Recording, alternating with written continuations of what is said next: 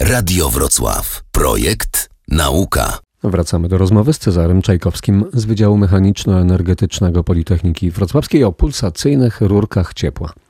Ich zalety wydają się niekwestionowane. Są wielokrotnie lżejsze przy tej samej wydajności od doskonale przewodzącej ciepło na przykład miedzi.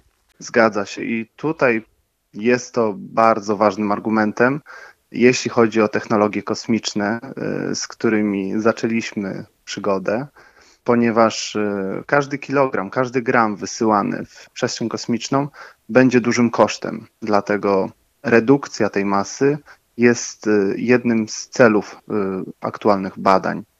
Był pan niedawno ze swoim zespołem i ze swoimi rurkami w Bremie, w niemieckim Centrum Technologii Kosmicznej i Mikrograwitacji.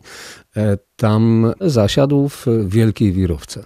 Tak, tak. Tutaj nasze działania były skupione na y, dwóch kierunkach y, naszego zespołu. Jednym kierunkiem była mikrograwitacja, czyli warunki uzyskiwane w przestrzeni kosmicznej. Z drugiej jednak strony była, były to warunki Drogi do tej przestrzeni kosmicznej. Tak, czyli dokładnie. przeciążeń. Tak, tak, dokładnie. Momentu startu. I e, wielka wirówka jest to maszyna, która znajduje się w Bremie, w ośrodku naukowym ZARM. I można śmiało powiedzieć, że jest to jed, jedyne takie urządzenie w Europie. E, można je, można je porównać do takich urządzeń, w których piloci testują swoją e, wytrzymałość na przeciążenia?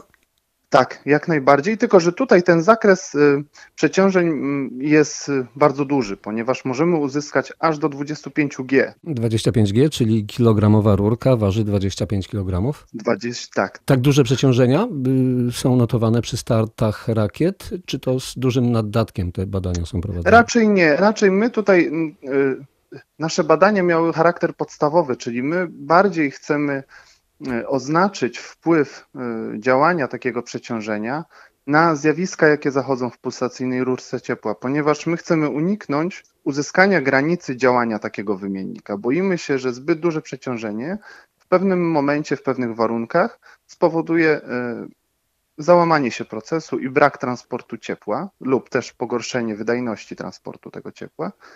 Ale co ciekawe, okazuje się z naszych wstępnych wyników, że E, wraz ze wzrostem takiej wartości przeciążenia e, proces jest wspierany, jest, ta wydajność rośnie. Na chwilę zatrzymajmy się przy samym czynniku, który e, służy do przenoszenia tego ciepła. To woda? Może być to woda, jak najbardziej. Mm, dostępny i tani środek, lecz my tutaj będziemy patrzyli na zakres temperatury niższej, czyli około między 40 a 60 stopni i w związku z tym musimy stosować czynniki tak zwane niskowrzące, czyli będą to mieszaniny różnych substancji syntetycznych. Co po wyprawie do Niemiec y, i badaniach na tej super wielkiej, największej w Europie wirówce? Miejmy nadzieję, że jest to początek przyszłościowych badań i wyników wdrożeniowych do technologii kosmicznych, czyli na marzeniem naszego zespołu byłoby wdrożenie rozwiązania chłodzenia satelit, a także układów bezpośrednio w rakietach. Radio Wrocław. Projekt Nauka.